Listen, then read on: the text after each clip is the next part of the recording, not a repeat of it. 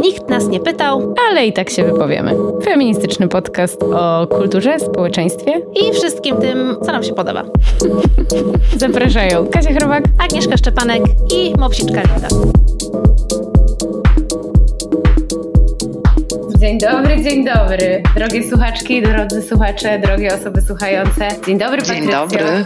Słuchajcie, mamy ogromną przyjemność dzisiaj gościć w odcinku ekspertkę. Naszą gościnią jest Patrycja Wonatowska. Bardzo się cieszymy i jest to specjalny odcinek też dlatego, że po raz kolejny mamy ogromną przyjemność współpracować z Gutek Film i będziemy dzisiaj Wam opowiadać o świetnym filmie, który wchodzi właśnie do kin i który się nazywa How to Have Sex. Tak jest. Z tej okazji będziemy właśnie rozmawiać o seksie. Tak, będziemy rozmawiać o seksie, będziemy rozmawiać o tabu, o tym, jak o tym seksie rozmawiać. No i też będziemy tutaj zahaczać o wiele ciekawych wątków, które odkryłyśmy w tym filmie. A może jakieś trzy słowa o naszej wspaniałej gościnie, która się z nami łączy online. No oczywiście. Patrycja, może też Patrycjo uzupełnisz, jak będziesz chciała, ale cieszymy się, że jesteś z nami, dlatego, że jesteś właśnie ekspertką w temacie, jesteś e, też ekspertką współpracującą z Sex Ed i jesteś twórczynią, założycielką Instytutu Pozytywnej Seksualności. Tak, wszystko się zgadza, jak najbardziej. Czy chciałabyś nam coś powiedzieć o tym, co robisz z Sex Ed albo co robisz e, w swoim instytucie? E, tak, generalnie poza tym, że edukuję rzeczywiście jako edukatorka seksualna, jeszcze mam nadzieję, że będzie nadal taka możliwość, to oczywiście pracuję też jako psycholożka, seksuolożka, psychoterapeutka w gabinecie, prowadzę różnego rodzaju warsztaty, więc seksualność seksualność e, jakby jest moim takim chlebem poprzednim, to jest moja praca, więc bardzo dużo rozmawiam o seksie, mimo tego, że właśnie tak jak padło to hasło tabu, tabu jest e, bardzo duże, ale moja praca to rozmawianie o seksie i wyciąganie z ludzi właśnie tych seksualnych kawałków i wątków. Tak, i wielu też rozmów z Patrycją można posłuchać, jak wpiszecie sobie na Spotify po prostu imię i nazwisko naszej gościni. Patrycja Wonatowska to wyskoczy wyskoczą Wam przeróżne podcasty i rozmowy, w których tak jest. udział. Tak jest, super. No to bardzo się cieszymy, że mamy okazję, żeby się spotkać, porozmawiać i dołączyć do grona tych wspaniałych podcastów, które mają Ciebie jako gościnie. Ale przechodząc już do tak zwanego meritum, bo my lubimy sobie odpływać w różne tematy, to chciałybyśmy Cię zapytać o powód naszego spotkania. Jak Ci w ogóle się podobał ten o, film? Powiem tak, że rzeczywiście dostałam różne informacje, to znaczy, a, to będzie taki film, który sobie zobaczysz, jakoś nie musisz tak sobie za bardzo się na nim skupiać, ale w sumie to spoko, natomiast generalnie raczej to będzie taki filmek, który po prostu sobie gdzieś tam obejrzysz, robiąc inne rzeczy na przykład, nie? A z kolei druga strona też opinii była taka, że no, że jednak rzeczywiście to jest mocny, poruszający film. Jestem dokładnie gdzieś pomiędzy jednym a drugim, to znaczy rzeczywiście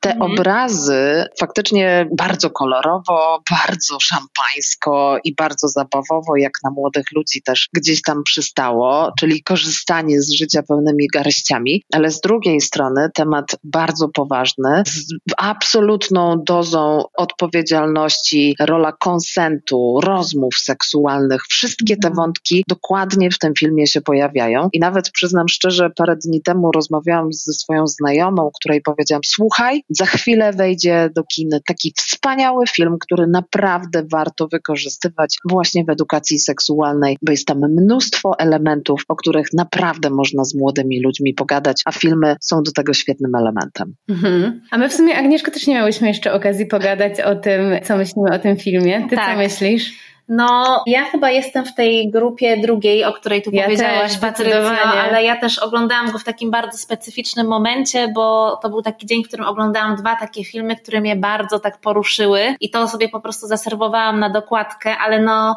mnie ten film wbił bardzo w fotel mhm. i ciężko mi było potem w ogóle cokolwiek powiedzieć. Miałyśmy napisać wieczorem pytania dla ciebie, ale napisałam Kasi, że to musi poczekać, bo ja, ja nie jestem w stanie teraz zebrać myśli, bo właśnie dla mnie jakby wielość tych wątków, ale też w to, w jaki sposób zostało przedstawione, no bardzo było dla mnie poruszające, no i to w jaki sposób przekonujący ta główna bohaterka oddała te przeżycia tej dziewczyny, no było dla mnie takie, no też z wielu względów takie znajome, jeżeli chodzi w ogóle o opowieści innych kobiet, czy też moich koleżanek, przyjaciółek, więc dla mnie ten film był taki bardzo autentyczny i taki mało filmowy, że miałam takie trochę wrażenie, że on czasami nawet jest taki reportażowy. Mhm. No ja się przychylam do tego, co mówisz. Moim zdaniem bardzo mocny jest ten film. Mimo, że właśnie się taki nie wydaje na początku, bo są tam te rzeczy właśnie, o których mówiła Patrycja, że czerpanie po prostu garściami z życia, wakacje życia w ogóle z przyjaciółmi, z przypadkowymi ludźmi, zabawa, używki, taniec, piękna pogoda, po prostu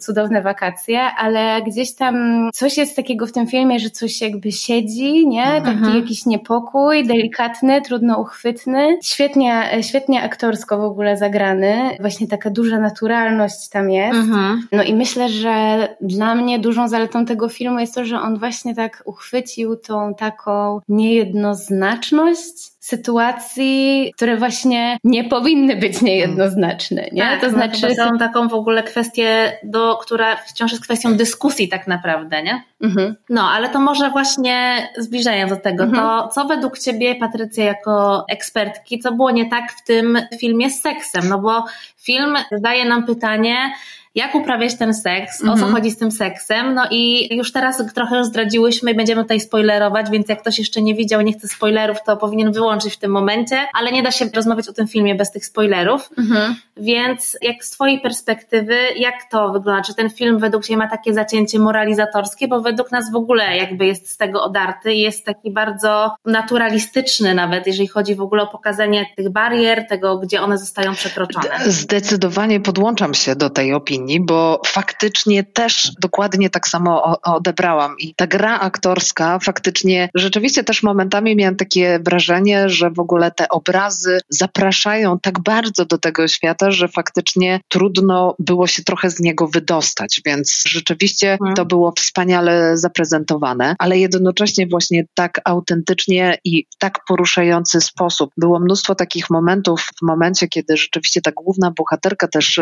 nie wróciła do pokoju i nagle robi się tak na dobrą sprawę taka cisza. Ja przyznam szczerze, że właśnie w tej ciszy ja zatrzymałam też oddech, bo rzeczywiście no to był też jeden z takich mocnych i poruszających momentów. To, co ten film też z mojej perspektywy bardzo mocno ukazuje i też pokazuje, to, że rozmawiać o seksie, to, że mamy o nim rozmawiać i to, że edukacja seksualna ważna jest, jasne, tu będę podkreślać chyba całe życie. Natomiast to, mhm. co jeszcze jest bardzo istotne, to to w jaki sposób rzeczywiście warto o tym seksie też rozmawiać. I to właśnie ten element z mojej perspektywy, ten film w ogóle to pokazuje, czyli można o nim mówić w taki sposób, okej, okay, wszyscy przecież uprawiamy seks i w ogóle, ta, ta, ta, ta, ten debiut seksualny, że tak, chcemy go mieć za sobą, ale z drugiej strony nie ma powodów, dla których rzeczywiście chcemy to robić, po co chcemy to robić, dlaczego to ma się odbywać w ogóle w takich warunkach i czy faktycznie wszyscy mają to ze sobą, bo tak na dobrą sprawę mam takie wrażenie, że my w tym filmie nie dowiadujemy się, kto ostatecznie ma ten tak zwany pierwszy raz, czyli ten debiut seksualny za sobą, czy też nie. Mhm. Więc jakby to też jest niesamowicie oddane w tym filmie, że my tak na dobrą sprawę, podobnie jak większość bohaterów i bohaterek w tym filmie, po prostu tego nie wiemy. I mam też takie wrażenie, że właśnie taka też doza i aura tajemnicy, jakiegoś takiego napięcia, to to jest właśnie też jeden z tych elementów, który często doprowadza do podejmowania właśnie nie, nieodpowiednich, no właśnie, ponieważ to nie ma takiego wydźwięku moralizatorskiego, to nie nieodpowiednich, ale takich decyzji, decyzji, które rzeczywiście wymagałyby takiego głębszego trochę zastanowienia się. Chociaż myślę, że no właśnie, bo w filmie to nie pada, że to jest niewłaściwe, czy nieodpowiednie, czy wręcz nie pada nawet słowo gwałt, mhm. nie pada słowo przemoc, przymus, nie ma, nie ma tam czegoś takiego i to chociaż są te sceny już takie końcowe, gdzie pomiędzy dwoma przyjaciółkami gdzieś tam w spojrzeniach, w jakichś urwanych zdaniach się ta rozmowa jakby rozgrywa i ona się odbywa między nimi, to jest właśnie też ten kunszt aktorski, mhm. że w takich drobnych, tak. wiecie, tak. wykrzywieniach twarzy, wręcz w jakimś takim opuszczonym spojrzeniu, czy, czy w jakimś takim właśnie urwaniu w półsłowa, gdzieś tam widać to napięcie i właśnie ono tak tam towarzyszy przez ten cały film. A inną taką rzeczą, która w ogóle mnie uderzyła też w tym filmie, o czym już w sumie trochę zapomniałam z, z czasów młodości, już może tego aż tak nie mhm. pamiętam, to jest ta presja mhm. rówieśnicza, nie? Mogę powiedzieć z własnego doświadczenia, że to, co pamiętam, to też bardziej wydaje mi się się przejmowało rozmowami o tym, co kto o nas mówi też. Jak, jak byłyśmy młodymi e, dziewczynami, nastolatkami, to pamiętam, że właśnie też z przyjaciółkami gdzieś tam ten ciężar w tej rozmowie był bardziej na to, czy już to masz za sobą, e, jak było, ile razy i tak dalej, z kim to robiłaś, a nie był na to, co czułaś, wiesz, jakby, że ta presja rówieśnicza i to, że ta inicjacja seksualna jest związana z tym, że jest się cool, mhm. E, wywiera taki ogrom, właśnie tą, taką ogromną presję, że, że no właśnie, że podejmuje się czasem takie decyzje, może które nie do końca są dla nas dobre. Mm. No myślę, że one nie są też jakoś do końca uświadomione, nie? No bo mhm. tutaj wydaje mi się, że to, co było nie tak w tym, w, tej, w tym filmie o seksie, że ten seks jakby on był wszechobecny, ale tak naprawdę nikt o nim mhm. nie rozmawiał, że to było mhm. coś jakby co trzeba było zrobić, trzeba było mieć za sobą, albo było oczywiste, że masz to za sobą, bo po prostu nawet te konkurencje tak. podczas tej imprezy. Te no... wakacje, powiem wam, że z jednej strony wakacje życia, z drugiej strony tak siedziałam na kanapie, oglądałam ten film i sobie myślałam, matko jedyna w życiu, bym nie chciała na takich wakacjach być. No jakby ja ma, widziałam nie jedne rzeczy na festiwalach i na imprezach w różnych miejscach, więc mnie to w ogóle nie szokowało, ale sobie pomyślałam, że kiedyś po prostu miałam takie poczucie, że to jest w ogóle taka, wiecie, atmosfera wolności, nie każe sobie robić co chce, ale teraz z perspektywy osoby, która ma 34 lata, to sobie myślę, że miałam taki bardzo duży niepokój, bo po prostu czułam ten taki ciężar związany z tym, że no jednak przebywasz tam pod wpływem wielu używek, nie do końca zdajesz sobie z tego sprawę, co tam się dzieje i to jakby, no właśnie ten niepokój, który w tym filmie cały czas narasta jest chyba właśnie fajnie pokazany jakby w zestawieniu z tym, co się tam rzeczywiście może dziać poza tą świadomością i jakby kto może wykorzystać to, w jakim stanie się teraz na przykład znajdujesz, nie? Mhm. Dla mnie było to takie kluczowe w tym, że film jest o seksie i pyta o to, w jaki sposób ten seks robić, ale żadna z tych osób, wydaje mi się, nie potrafiłaby odpowiedzieć na pytanie, co lubi, czego się spodziewa, jakie tak. ma uczucia, bo to jest jakby gdzieś tam poza tym skalą, gdzie możesz się skonfrontować, bo nie ma tej edukacji seksualnej właśnie, o której ty mówisz i w ogóle nie rozmawia się o tym w takim charakterze czegoś, co przeżywamy i w jaki sposób to przeżywamy. Mhm. Więc pytanie, do którego no. zmierzamy, Patrycja, jest takie, jak myślisz, czy teraz młodzi ludzie mają łatwiej czy trudniej? W sensie takim, że jednak mimo wszystko jakiś, jakiś postęp miał miejsce i wydaje mi się, że bardziej się jednak o tych sprawach rozmawia niż, niż kiedyś. I też z drugiej strony, no ta kultura jest dosyć mocno, no jest, jest spora doza seksualizacji w takiej kulturze popularnej teraz, czy w filmach, czy w innych treściach. I jak myślisz, czy to lepiej, czy gorzej? Ja bym zaczęła od jednej kwestii, bo powiedziałyście właśnie taką bardzo istotną e, z mojej perspektywy kwestię. To znaczy, patrząc na ten obraz, czy patrząc na ten film, na przykład z perspektywy osoby 30, plus, patrzy się na to inaczej niż na przykład osoby 20. Plus. I rzeczywiście, e, mhm. tak na dobrą sprawę, to jest trochę kwintesencja tego, jak rozwija się życie seksualne i w ogóle świadomość tego, co w ogóle w tym seksie i w tej seksualności lubimy. I o ile ten debiut seksualny czasem jest właśnie tak istotny, bo też jest wokół niego całkiem sporo presji, o tyle tak na dobrą sprawę my dopiero po iluś latach prawdopodobnie i po iluś tam na przykład kontaktach seksualnych lub też po iluś rozmowach dopiero dowiadujemy się bardzo często, co tak właściwie w ogóle lubimy lubimy w tym seksie i w tej seksualności. I teraz, w sytuacji, w której młodzi ludzie na tu i teraz bardziej w ogóle mają kontakt z treściami dotyczącymi seksualności, to potencjalnie to jest sytuacja, która sprzyja, nie? bo więcej możemy się dowiedzieć, więcej mówimy na ten temat. Ale właśnie druga strona medalu to taka, że ta seksualizacja akurat w mediach, czy właśnie w tej takiej popkulturze, znowu z mojej perspektywy może jeszcze bardziej obciążać i wywierać jeszcze większą presję. Więc rzeczywiście tak istotne są odpowiednie źródła, które dają wiedzę, ale jednocześnie nie wywierają presji. A o to akurat jest najtrudniej, jeżeli chodzi właśnie o takie wszelkiego rodzaju źródła, na przykład w internecie, nie? bo jakby tych stron i w ogóle tych kont, które rzeczywiście zawierają taki content około seksualny, można by było całkiem sporo, ale znowu idziemy tutaj albo w jedną stronę, czyli się z tego śmiejemy, albo idziemy w drugą stronę, czyli w jakimś stopniu deprecjonujemy. A tego, co jest właśnie po środku, czyli ta rzetelna wiedza, edukacja i to, że druga osoba czy inne osoby, które z tego mogą skorzystać,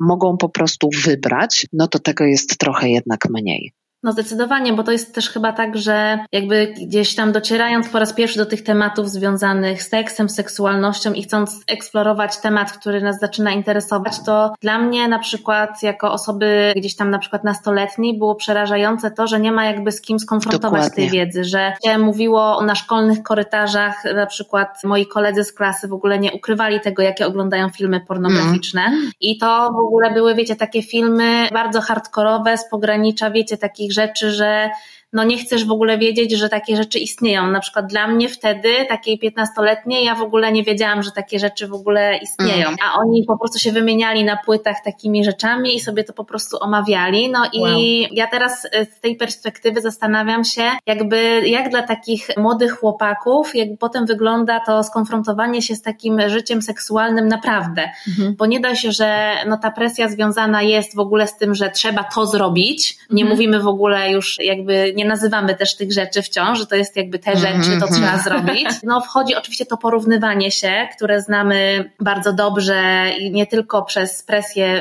wszechobecnych mediów społecznościowych, no ale jak oglądamy na przykład te filmy pornograficzne, no to wiadomo, że też porównujemy siebie i bardzo często mówimy i ja też w rozmowach z koleżankami czy ze znajomymi słyszałam, że najgorsze jest właśnie to, że potem trzeba się zmierzyć z tym, że ja nie wyglądam jak ta kobieta z tych filmów, które oglądają ci mężczyźni, którymi potem potem randkujemy, mm -hmm. nie? Wydaje mi się, że ta taka otwartość wśród kobiet jest taka bardziej jakby dozwolona, jeżeli chodzi w ogóle o rozmowy między nimi o seksualność. Tak na przykład kiedy pytam moich kolegów heteroseksualnych, czy oni w ogóle rozmawiają między sobą o seksie, no to oni mówią, że oni nie rozmawiają, że mhm. o czym oni mają rozmawiać, że jakby co to jest wielce do powiedzenia. Mhm.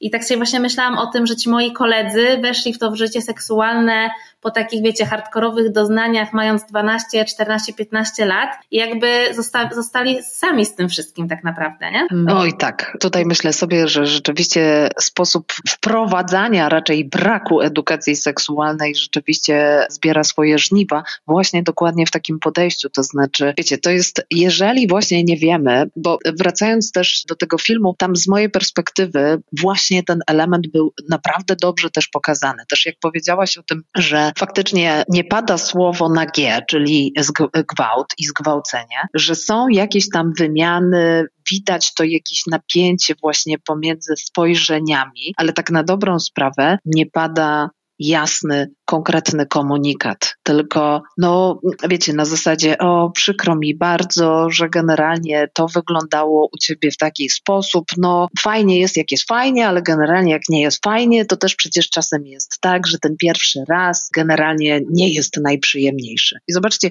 ile już tutaj właśnie jest e, mitów, przekonań błędnych, jakichś stereotypów na temat po pierwsze tego właśnie niechlubnego pierwszego razu, dlatego staramy się też i używamy już tego zamiennika, czyli debiutu seksualnego, bo po pierwsze to nie jest ten pierwszy raz, po drugie to wcale nie jest tak, że ten pierwszy raz ma być albo hiper, e, super ekstra, albo w ogóle beznadziejny, tylko po prostu mamy być na niego mhm. gotowi i gotowe, a to dopiero zdobywamy poprzez wiedzę. I teraz wiedza to też między innymi to, co ewentualnie złego może się wydarzyć, jakie mogą być tego konsekwencje. Czyli ja muszę wiedzieć, że jeżeli na przykład jestem pijany, pijana, jeżeli jestem na przykład, nie wiem, śpiący, śpiąca i druga osoba zaczyna jakiekolwiek aktywności seksualne w moim kierunku jakby podejmować czy cokolwiek robić, to że to już nie jest okej okay i że ja mam wyraźnie możliwość zaznaczenia swoich granic. I właśnie też ten element dobrze jest oddany tak naprawdę w filmie. To znaczy, że jeżeli ja czegoś nie wiem,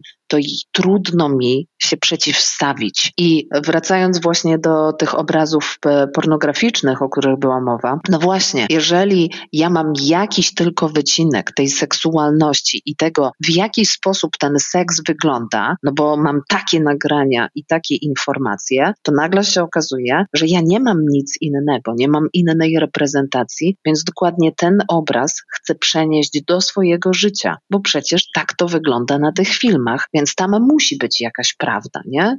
A jeżeli ja o tym nie rozmawiam z mhm. innymi osobami, z moimi kumplami, z kumpelkami, no to trudno mi jest skonfrontować to, że nie zawsze wszystko wychodzi na przykład, nie? Że zapachy są dziwne, że mhm. dźwięki są dziwne i że może nie wyjść, że może nie być wzwodu, że może nie być nabilżenia i tak dalej, i tak dalej. Tak, wydaje mi się, że chyba najbardziej taką odkrywczą rzeczą w seksie jest to, że on po prostu nie wygląda tak jak w filmach, że nie gra tam sama muzyka, że nie ma tam slow-mo, że po prostu wiecie, jest, nagle się okazuje, że to jest po prostu taka no, normalna czynność, która po prostu czasami jest awkward, czasami jest dziwna i chyba też ta presja związana z tym, że po prostu to wszystko powinno jakoś wyglądać i mamy jakby całą taką opowieść, jakby jak to powinno, ale jakby nikt nie rozmawia, jak to rzeczywiście wygląda. I wydaje mi się, że jakby tutaj też ci bohaterowie sami byli zakłopotani w tym wszystkim, że trzeba to w końcu mieć za sobą, bo przecież mhm. jest ten etap, gdzie wchodzisz w dorosłość, więc wiadomo, że trzeba to odhaczyć i po prostu jakoś wyjść do tych ludzi zaprawionym w boju i po prostu dalej to życie seksualne rozpoczynać, ale tam w ogóle o takich rzeczach związanych z właśnie na, y, przyjemnością, tym czego się spodziewamy, jak to miałoby wyglądać, w ogóle nie, nie rozmawia się. I czy ty na przykład masz takie przekonanie jako seksuolożka, że do takiego pierwszego, do tego debiutu seksualnego czy my się w jakiś sposób powinniśmy w ogóle przygotować? Czy jak, jak y, rozmawiasz na przykład z młodymi osobami, albo jak w ogóle powinniśmy rozmawiać z takimi osobami, które na przykład ten debiut dopiero mają przed sobą? Jakby, czy jest w ogóle jakaś taka recepta? Może recepty bezpośrednio nie podam, punkt po punkcie, ale mhm. y, tak, zdecydowanie jak rozmawiam z młodymi ludźmi, to ja zachęcam ich do tego, żeby faktycznie zastanowili się, po pierwsze, w ogóle nad swoimi motywacjami po co ja właściwie chcę, żeby to miało miejsce na przykład na tu i na teraz. Czy osoba, z którą chcę uprawiać seks, to to jest osoba, której mogę zaufać. Bo wiecie, jakby to jest to trochę tak, że zabezpieczenia zabezpieczeniami, one czasami też mogą być jakieś awaryjne, więc my musimy porozmawiać też o potencjalnych konsekwencjach. Musimy porozmawiać o tym, mhm. jak, jakie w ogóle zabezpieczenie też stosujemy. Jakby pominięcie tego aspektu to jest tak naprawdę naprawdę pominięcie naprawdę sporej dozy w ogóle seksualności jako takiej. I Często się spotykam właśnie z takimi określeniami, że oczywiście to jest nieromantyczne, że to w ogóle niszczy całe napięcie seksualne i jakby nie ma tego fanu. Ale wiecie, nawiązując do tego filmu, no właśnie jak mowa o tych grach i zabawach, które tam były stosowane, nie? Jakby pomijając, że to rzeczywiście to już też w jakimś stopniu może nie zgwałcenie bezpośrednio, bo jednak ci panowie się sami zgłosili, ale zdecydowanie no, tam absolutnie nie było konsentu. Nikt nie pytał wszystkich uczestniczących e, stron o zgodę. Każda z nich prawdopodobnie była pod wpływem jakichś używek, co już rzeczywiście jakby zachęca do tego, żeby przekraczać jakieś granice, których na przykład w przeciętnie innych okolicznościach w ogóle byśmy nie przekraczali. I to jest też jeden z tych elementów, o których mówię bardzo często właśnie w rozmowach na temat seksualności, że jeżeli ja faktycznie mam jakieś trudności z podjęciem decyzji o tym, że chcę tego seksu, no to może jednak lepiej się zastanowić w ogóle o co w tym wszystkim chodzi, bo to trochę tak, jakby na przykład właśnie wleść na paralotnie, wiecie, albo na przykład skoczyć ze spadochronu, ale w, pod wpływem jakichś substancji, a później dopiero oglądać potencjalnie filmiki lub ewentualnie wspominać, że ja w ogóle skoczyłam, skoczyłem, ale w sumie to niewiele z tego pamiętam. To w sumie po co? No, myślę, że jedną z motywacji jest pewnie to, bo tam nawet pada takie zdanie w tym filmie, że przecież nie mogę umrzeć dziewiczą.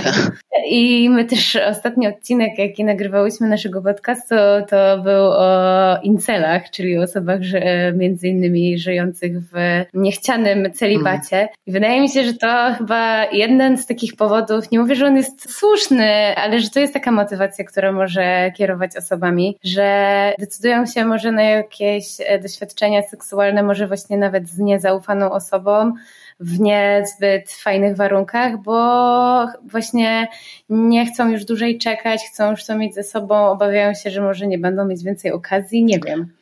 No ale też chyba jest takie tabu związane z tym wiekiem, kiedy to się mm -hmm. powinno wydarzyć, nie? Że już potem będzie zbyt dziwnie. Tak, że e, ja, my, my, miałam też takie dyskusje właśnie z przyjaciółkami, że dla nas Najgorsze było to, że jakby ciężko nam było się przyznać w wieku tam dwudziestu paru lat jeszcze, jak studiowałyśmy, że my ten debiut seksualny miałyśmy stosunkowo późno, porównując mhm. jakby doświadczenia innych osób, które znamy, więc znowu ten mechanizm mhm. porównania. Mhm. I do dzisiaj to jest taki temat, że no ten debiut jakby jeżeli są rozmowy na ten temat, gdzieś tam powracanie do tych takich, wiecie, młodych y, doznań z młodości, no to my wciąż jakby jest coś takiego, że no mamy, że no my miałyśmy późno ten debiut i to jest coś, czego musimy się wytłumaczyć tak, tak. naprawdę, że mimo, że to była gdzieś tam świadoma decyzja wynikająca z tego, że nie chodziło o czekanie, wiecie, nie, nie chodzi tu o wpisywanie się w opowieść o czekaniu na tego jedynego, ale po prostu z jakiejś takiej swojej decyzji, że to się odbędzie na jakby moich zasadach, a nie po prostu przypadkowo. Mhm. No ale no jakby to tabu związane z tym, że o tym seksie mówimy, on jest wszędzie, ale tak naprawdę bardzo wiele osób go po prostu i tak nie ma w swoim życiu z różnych mm. powodów, nie? Że, te, mm. że on jest bardzo przygodny też ten seks przez aplikacje randkowe, które oczywiście trochę nam ułatwiły życie, ale też trochę nam zabrały, wydaje mi się, z tego, z tego życia seksualnego pod tym względem, że ten seks jest czasami taki przygodny, mamy też nowe typy relacji typu e, friends with benefits, situationship, one night standy i wszystkie takie te angielskojęzyczne zapożyczenia, które gdzieś tam mogą określić naszą sytuację,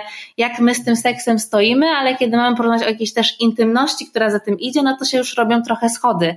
Albo jak na przykład ktoś nas zapyta, co my właściwie lubimy w tym seksie, no to ja nieraz doświadczyłam takich w dyskusjach w takim bardziej otwartym gronie, że jest cisza. Albo na przykład jak jest, podsyłam linki moim koleżankom, że są, jest teraz promocja na zabawki erotyczne.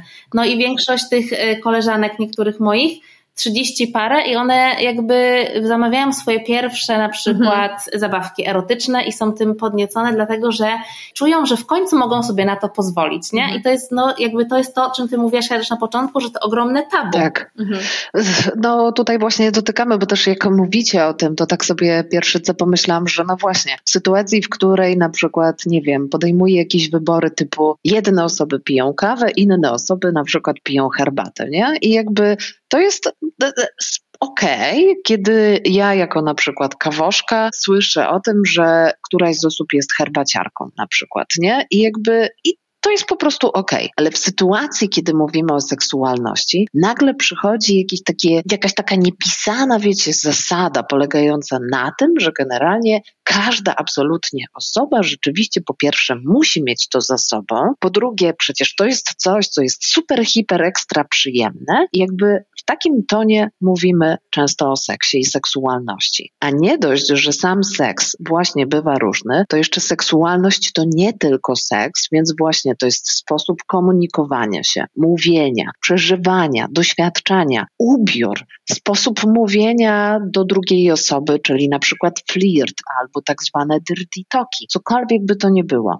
Seksualność jest naprawdę takim obszarem, który nie jest jednowymiarowy, a my jakoś tak bardzo mocno go uprościliśmy i mówimy tylko i wyłącznie, wiecie, o tym, że czy mam seks, czy nie mam seksu i to jest wyznacznikiem mojej satysfakcji. A tymczasem trudno jest powiedzieć, że na przykład nie mam satysfakcji, kiedy nie wiem, że może być lepiej, albo na przykład w drugą stronę, czyli że mam niesatysfakcjonujący seks, ale być może mam błędne przekonanie i tak na dobrą sprawę on jest super Tutaj też od razu przychodzi mi właśnie, jak mówicie o tych zabawkach też, to tak sobie myślę właśnie informacje, czy w ogóle te przekonania dotyczące chociażby orgazmu, nie? Czyli co to znaczy mieć mhm. orgazm? Czy orgazm zawsze oznacza właśnie ten tajfun i piorun? Czy mamy orgazm łechtaczkowy i pochwowy? I tak dalej, i tak dalej. I okazuje się, że mimo tego, że ja od ładnych paru, parunastu lat rzeczywiście powtarzam tą wiedzę, nadal mamy kolejne pokolenia, które wchodzą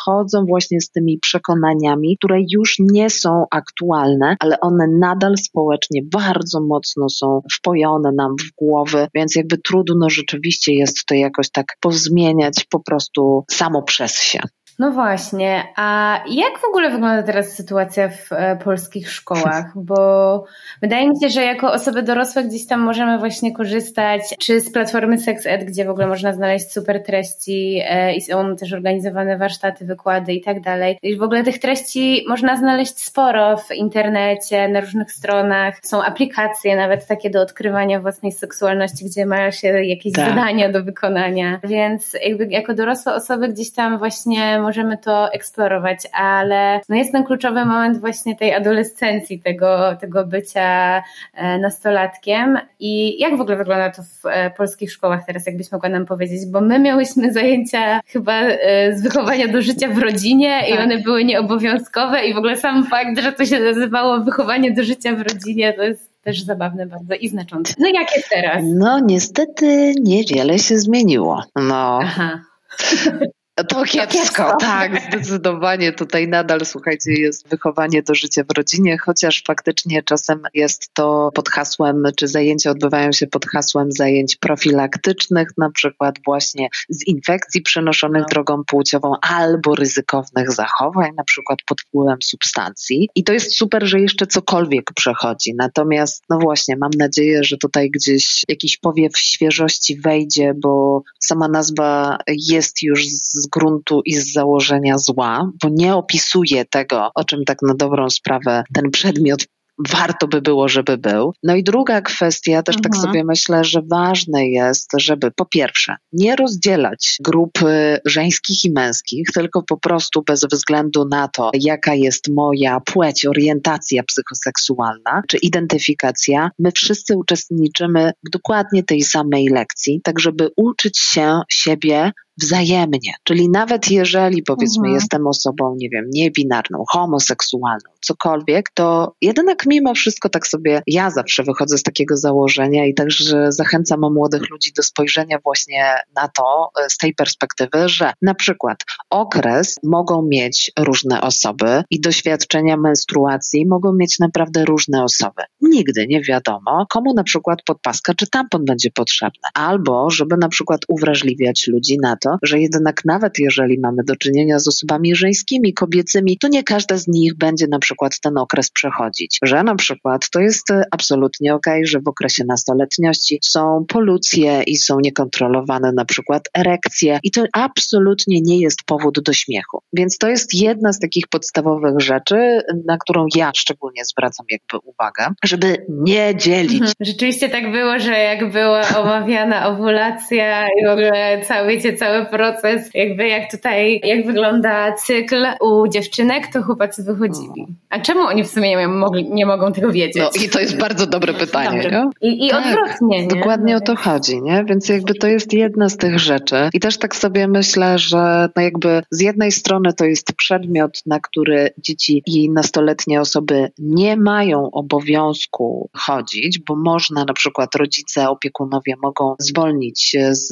tego przedmiotu. Natomiast z mojej perspektywy to tym bardziej powinien być obowiązkowy przedmiot obok, nie wiem, na przykład y, języka polskiego, matematyki czy jakichkolwiek innych zajęć technicznych albo WF-u, bo my w ten sposób kształtujemy, czy w ogóle dajemy wiedzę młodym ludziom, którzy później wejdą w swoją dorosłość i my później od nich wymagamy tego, że oni sami będą różne rzeczy poznawać. Wiecie, to trochę tak jak z na przykład, nie wiem, edukacją na temat y, oszczędzania pieniędzy albo i wydawania, albo na przykład y, etykiety panującej w internecie. Ci młodzi ludzie powinni dostać to właśnie od osób dorosłych, które mają ich wyposażać mhm. w odpowiednią wiedzę.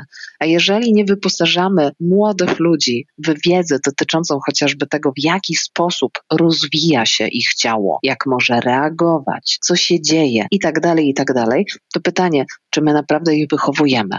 a szkoła niewątpliwie absolutnie bierze współudział w wychowywaniu. Więc jakby to jest jedna z tych rzeczy. No i to, żeby naprawdę też rodziców, opiekunów zapewnić, że e, jeżeli nas słuchacie, to naprawdę to jest tak, że jeżeli wam jest trudno mówić o seksualności, w ogóle o ciele, o zmieniających się rzeczach w życiu młodych ludzi, to naprawdę tym bardziej wykorzystajcie fajne zajęcie z edukacji seksualnej, bo właśnie po to one są. Ale do tego znowu trzeba mieć wiedzę, co to znaczy fajne zajęcia z edukacji seksualnej, więc tu zachęcam dorosłe osoby, żeby też się z tego dokształciły. Tak, to jest y, na pewno cenne, żeby apelować po prostu o tą edukację, no bo bez tego po prostu ciężko nam będzie w ogóle y, rozmawiać o, o, no. o seksie, ale właśnie jak teraz powiedziałaś o tym, że no seks to nie tylko y, jest zagrożenie ciążą, ale też zagrożenia, czy też konsekwencje wynikające z na przykład chorób przenoszonych drogą płciową i wydaje mi się, że to jest też taki jeden z mitów, który ciągle mm. funkcjonuje. Oprócz tego, że nie znamy za bardzo swojej anatomii i żarty z tego, że gdzie jest ta sławetna łechtaczka, to po prostu jakby niemożliwe do znalezienia. Też ostatnio widziałam na profilu Yorkaja była taka sonda uliczna z obrazkiem łechtaczki, no i nawet kobiety poległy, mając nazwać coś, co, teoretycz, co mają. teoretycznie mają, jako, jeżeli identyfikują się jako kobiety albo nie, no generalnie y, zmierzam do tego, żeby y, wrócić trochę do filmu jednak i o tej mhm. edukacji e, jeszcze porozmawiać, bo w tym filmie też nie padają takie obawy związane właśnie z ewentualnymi chorobami, czy z tym, żeby się zabezpieczyć, że w ogóle ten aspekt wiedzy o seksie w ogóle wśród tych bohaterów i bohaterek nie istnieje. To jest po prostu coś, sztafeta, jesteśmy na wakacjach, trzeba szybko zrobić i po prostu mieć zaliczone. Jako ty, jako seksuolożka, jakbyś na przykład mogła z tymi bohaterami spotkać się i dać im jakieś takie trzy rady, obserwując ich zachowania w filmie, tak totalnie z boku, to co byś im powiedziała, albo jakie pytania chciałabyś, żeby oni sobie zadali? O, no myślę, że to pytanie o motywację to jest jedno z takich e, podstawowych elementów, to znaczy, czy rzeczywiście to jest odpowiedni czas i miejsce na to, żeby na przykład ten debiut seksualny mieć za sobą, czy taka ilość alkoholu pomaga, czy jednak może zaszkodzić. Ale tutaj zdaję sobie znowu sprawę z tego, że czasem po prostu tak jest łatwiej i rzeczywiście ludzie to wybierają, no. więc jakby okej. Okay. Więc to, co jest dla mnie i z mojej perspektywy bardzo istotne, istotne, to to, czy wiesz, co może sprawiać ci przyjemność? To jest jedno z tych pytań. I drugie, czy wiesz, jakie mogą być konsekwencje tego, że uprawiasz z inną osobą seks? Okej. Okay. To są takie rzekomo proste pytania, ale tak sobie myślę, one rzeczywiście gdzieś mogą generować oczywiście i zachęcać do zadawania kolejnych pytań, gdzieś zastanowienia się właśnie tego, czy ja w ogóle coś wiem na temat, wiecie, bo to jest trochę ta osławiona masturbacja, czyli jeżeli ja wcześniej dotykam siebie, to mam już też jakąkolwiek informację na temat tego, jak w ogóle funkcjonuje i reaguje moje ciało. To jest to pierwsze pytanie a propos tego, czy wiem, co lubię, a to drugie, jakie mogą mogą być potencjalne konsekwencje. Między innymi zawiera też takie wątki jak właśnie antykoncepcja, sposób zabezpieczania się przed infekcjami przenoszonymi drogą płciową. Zobaczcie, bo tam nie było absolutnie kwestii chociażby prezerwatywy, czyli zakładam, nie? Tak, w ogóle. No właśnie. Nie rozmowy o jakichś, jakichkolwiek innych e, sposobach no. antykoncepcji, nie? Mhm. Właśnie ta, głównie ta przyjaźń jakby między tymi dziewczynami na przykład się opierała jakby na takiej trochę rywalizacji mhm. i marzeniach o jakiejś przyszłości, a nie było tam właśnie takiego wsparcia wobec tej głównej bohaterki. No właśnie, nawet tak, te pytania, które Patrycja tutaj byś zadała właśnie tym bohaterom, one by się im tam mega przydały. Jakby to by było takie hej, hola, hola, stop w tym dzikim pędzie w ogóle zatrzymać zatrzymajcie się na chwilę. Ale myślę, że jeszcze na pewno chciałbyśmy Cię zapytać o taką, wydaje mi się, podstawę dzisiaj edukacji seksualnej, czyli o mhm. consent, który tłumaczymy na, e, na język polski jako świadomą zgodę Mi się też podoba to do określenia świadoma entuzjastyczna zgoda. Jakbyś mogła naszym e, słuchaczkom, słuchaczom, osobom słuchającym opowiedzieć o tym, czym jest ten konsent, ta świadoma o, zgoda. Dobra, y, tak sobie myślę, że jak osoby będą oglądać film, do czego też sama zachęcam, to możecie zobaczyć, czym brak konsentu entuzjastycznego dokładnie jest. Czyli wy, wy mhm. dziewczyny wiecie, o czym ja mówię, nie? Ta sytuacja też na plaży, to tam przede wszystkim nie pada jasna informacja. Tam niby pytania są, ale jeżeli właśnie, jeżeli osoba nie patrząc na drugą osobę nie odpowie tak, chcę z tobą uprawiać seks. Jakby oczywiście teraz trochę to przerysowuję, ale rzeczywiście ten entuzjazm musi no. być o tyle zauważalny i też widoczny, żeby nie było tak, jak właśnie jest to pokazane na filmie. Ona odpowiada tak, ale tam nie ma entuzjazmu. Wbrew pozorom, tam jest dużo więcej, czy w mojej opinii tam jest dużo więcej strachu, obaw i osoba, która rzeczywiście decyduje się też, bo konsent i świadoma zgoda i ta entuzjastyczna zgoda przede wszystkim wszystkim zawiera w głównej mierze takim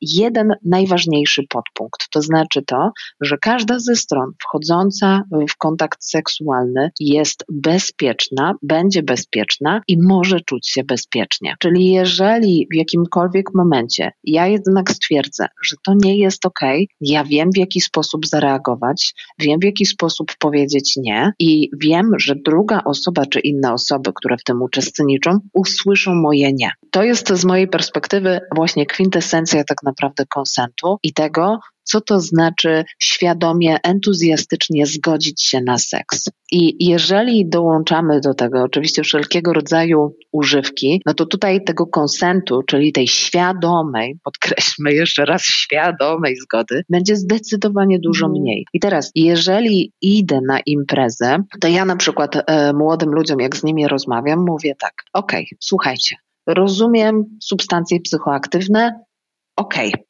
jakby to jest decyzja indywidualna każdej osoby, ale jeżeli nie znacie drugiej osoby, to czasem lepiej się wymienić numerami telefonów i wrócić do tego, niż podejmować jakiekolwiek działanie, które później w jakimś stopniu, nad którym będziecie się zastanawiać i zastanawiać się bardziej w kategoriach, czy w ogóle to było ok i czy rzeczywiście w innych okolicznościach chcę, na przykład chciałabym, chciałbym to powtórzyć. Więc ten entuzjazm i ta świadomość tego, to właśnie te wszystkie otaczające ten seks e, elementy. Czyli zobaczcie, ile w ogóle, jaki wielki obszar nagle się pojawia, że to, że ja wyrażę to tak, słynne tak, że chcę uprawiać z drugą osobą mhm. seks, to to wcale nie jest taka łatwa i taka prosta e, decyzja i rzeczywiście to nie jest tak, że mogę sobie powiedzieć tak, od tak i nagle coś się dzieje. No nie. Mhm. I to też czy to jest takie proste równanie, że kiedy nie ma świadomej, entuzjastycznej e, zgody, to mamy do czynienia z gwałtem?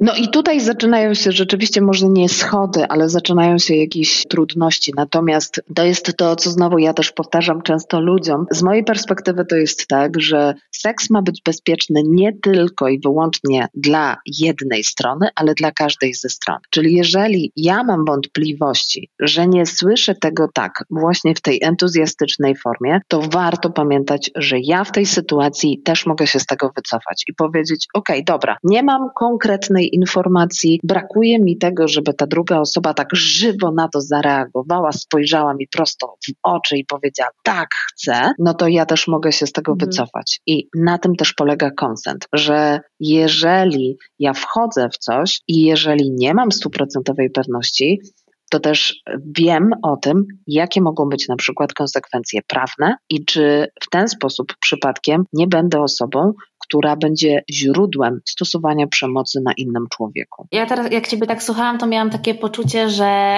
właściwie ta rozmowa o konsencie, która gdzieś tam jakby dopiero w, pojawiła się w tej debacie o seksie, wydaje mi się kilka lat mm. temu. -hmm. Zaczęliśmy w ogóle o tym rozmawiać, że świadoma zgoda, ta entuzjastyczna zgoda, że trochę jakby kręcimy się w kółko bo z jednej strony mamy takie poczucie, że o tym seksie wciąż trudno nam rozmawiać, nie mamy wciąż tej edukacji, ale tak naprawdę dopiero teraz zaczynamy od takich podstaw związanych z tym, że definiujemy w ogóle, jak wygląda taka bez, bezpieczna seksualna aktywność, co to w ogóle znaczy zgoda i jakby gdzie są te granice, no bo wiadomo, że te granice są takie sytuacje, gdzie mogą być bardzo rozmyte i trudno jakby opowiedzieć, jakby co tak naprawdę się stało, nie? Mm. Więc jakby to, że nie możemy po prostu czasami tego dokładnie stwierdzić, pokazuje, no jaki to jest wyzwanie i że to jest temat totalnie do nadrobienia. I tak sobie myślę, że oglądając ten ostatni sezon serialu Sex Education, który mm. bardzo lubię, wydaje mi się, że on świetnie pokazywał, że właśnie ten konsent to nie musi być, y, wiecie, jakaś taki po prostu kontrakt, który musimy podpisać nagle, żeby ten seks uprawiać, tylko tam w ogóle bardzo fajnie w taki totalnie normalny sposób pokazali, że to po prostu może być takie pytanie, które jest w ogóle w sekcji, mhm. które w ogóle jest naturalne podczas tej interakcji, podczas tej gry wstępnej i tak dalej. I że też pokazywali w bardzo fajny sposób, że w każdym momencie możesz przerwać, że to nie jest tak, że skoro już powiedziałeś czy powiedziałaś, że tak chcę, to że coś mogło ci się nie spodobać, albo zmieniłeś po prostu zdanie, bo nie musisz się z tego tłumaczyć. Po prostu nie oznacza, że przerywamy, tak? I mhm. wydaje mi się, że jest to dosyć takie symptomatyczne, że tę wiedzę czerpiemy jednak z serialu Netflixa, mm -hmm. co? No, to jest ciekawe. E, tak, też jak mówicie o tym, to jakoś tak mi przychodzi, że właśnie a propos tych podstaw i tego mówienia, to że jakoś zobaczcie, teraz odkręcamy te całe lata i te całe pokolenia mówienia w kategoriach o seksie się nie mówi, seks się robi. Tak, mm. dokładnie. A jeszcze ja byłam taka ciekawa, bo zauważyłam, że wciąż niestety funkcjonuje w tym, jak rozmawiamy o debiucie seksualnym, o inicjacji, takie sformułowanie jak utrata dziewictwa. Czy to jest w ogóle, czy oprócz takich właśnie sformułowań typu debiut, inicjacja, są jeszcze jakieś takie inne, których używa się w seksuologii, które mogłabyś gdzieś polecić, bo ja bardzo tego nie lubię i wydaje mi się, że ono jest takie bardzo archaiczne i też jest takie po prostu pokazać tą utratę i tego dziewictwa i po prostu tą jakąś nakręca nam tą świętą spiralę, że po prostu to niepokalane poczęcie po prostu nas tylko czeka. tak, tutaj rzeczywiście, och, ta utrata dziewictwa to jest taki mocny twór, natomiast rzeczywiście to, do czego bym zachęcała, to do tego, żeby zrezygnować e, faktycznie E, jak osoby nas słuchają, to żeby zrezygnować właśnie z używania takiego sformułowania, no bo zobaczcie, ta utrata dziewictwa odnosi się przede wszystkim do, w głównej mierze do aktu penetracyjnego, czyli mamy penis i mamy pochwę. Mhm. I generalnie to jest utrata dziewictwa. A co w sytuacji, w której na przykład spotykają się dwie pochwy? Co w sytuacji, kiedy spotykają się dwa penisy? Co w sytuacji, kiedy spotyka się penis z odbytem? A co w sytuacji, w której na przykład gadżety erotyczne spotykają spotykają się z ustami, pochwą, odbytem czy jakąkolwiek innym otworem, y, częścią ciała. Nie? Jakby, więc sumie to do końca nie wiadomo, czego to ta utrata dziewictwa tak naprawdę dotyczy. Jakby ona rzeczywiście kulturowo mhm. jest bardzo przyporządkowana, najczęściej do hetero, cis-heteroseksualnego kontaktu penetracyjnego. Więc y,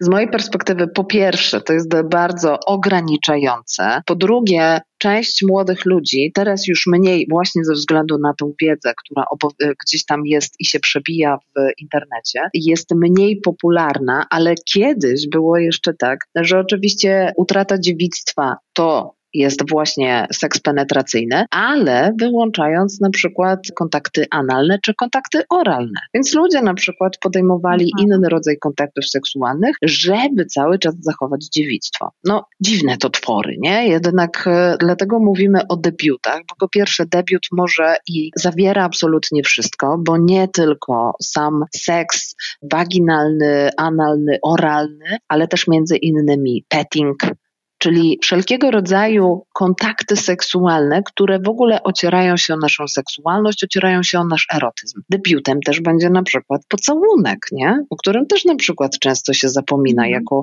aktywności seksualnej. I Innym takim elementem, który też e, myślę sobie, że coraz mniej się go używa, to właśnie ta osłabiona gra wstępna, bo wiecie, ona też jest dosyć pejoratywnym już określeniem, nie? To znaczy gra wstępna wiąże się z tym, że jeżeli mówimy o seksie najczęściej heteroseksualnym, to że ta kobieta potrzebuje bardzo dużo czasu, żeby ją rozgrzać, bo ten facet to jest zawsze gotowy, ne, ne, ne, ne, ne. Więc tutaj znowu powielamy ten dokładnie sam stereotyp, który gdzieś tam funkcjonuje. Więc ta gra wstępna to, jak to mówimy, że zaczyna się od rana, czyli wszystko to, co robię w ogóle też dla swojej seksualności, to, co poznaję, to, co słucham, czego słucham, czy lubię, nie wiem, jakieś dźwięki, czy lubię się jakoś ubrać, czy lubię coś zjeść, czy jakiś i tak dalej, i tak dalej, to to wszystko można nazwać grą wstępną. Zatem nie używając tego sformułowania, możemy to po prostu zastąpić tym, jakie są moje potrzeby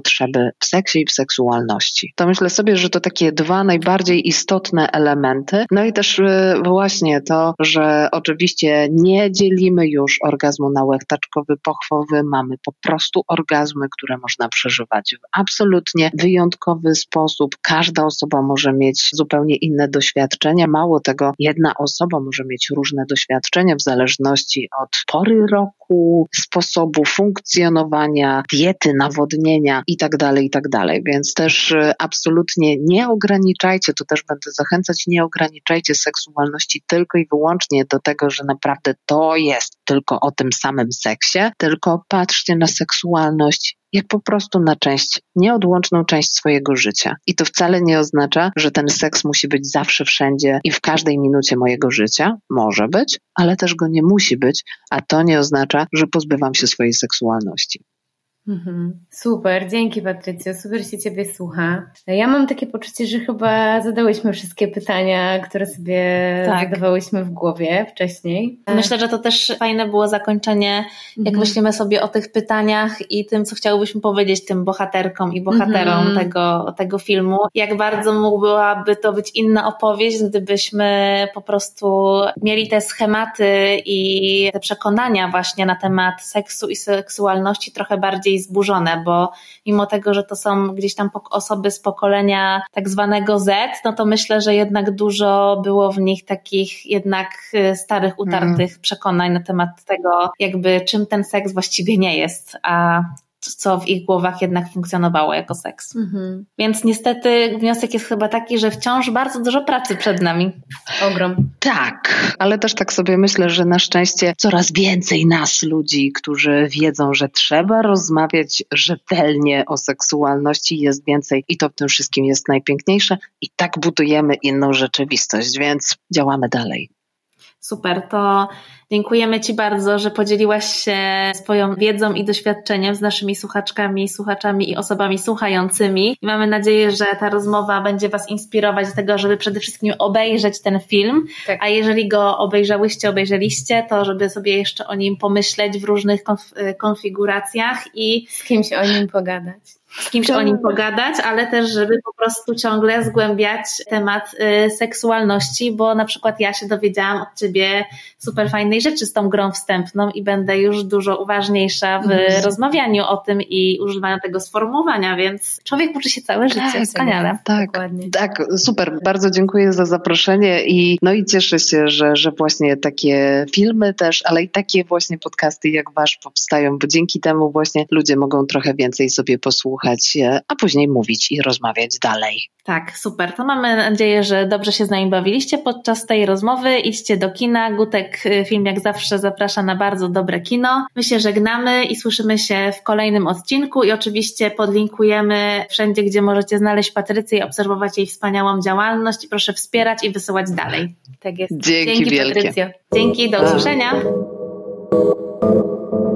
Nikt nas nie pytał, ale i tak się wypowiemy. Feministyczny podcast o kulturze, społeczeństwie i wszystkim, co nas zainteresuje. Zapraszają Kasia Chrobak i Agnieszka Szczepanek. I Mowsieczka Linda. Tak, czasami. Producentem podcastu jest Estrada Poznańska. Wszystkie odcinki znajdziesz na estradapoznań.pl.